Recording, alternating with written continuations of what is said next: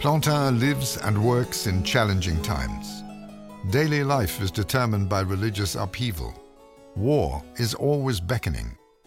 Nevertheless, Plantin succeeds in building up a booming business. He expands his company with branches in Paris and Frankfurt. In Leiden, he even sets up a second printing office. Plantin does not stop at being a printer and publisher. He also sells maps, prints, and globes. Furthermore, he owns a flourishing lace business in which his daughters have important roles. These activities supply him with the necessary finance to keep the publishing company going. Plantin's success story is also a story of rise and fall. He gets into trouble with the authorities, and one day his possessions are sold at a public auction. On another occasion, he has to pay large amounts of money to mutinous Spanish soldiers in order to save his personal belongings.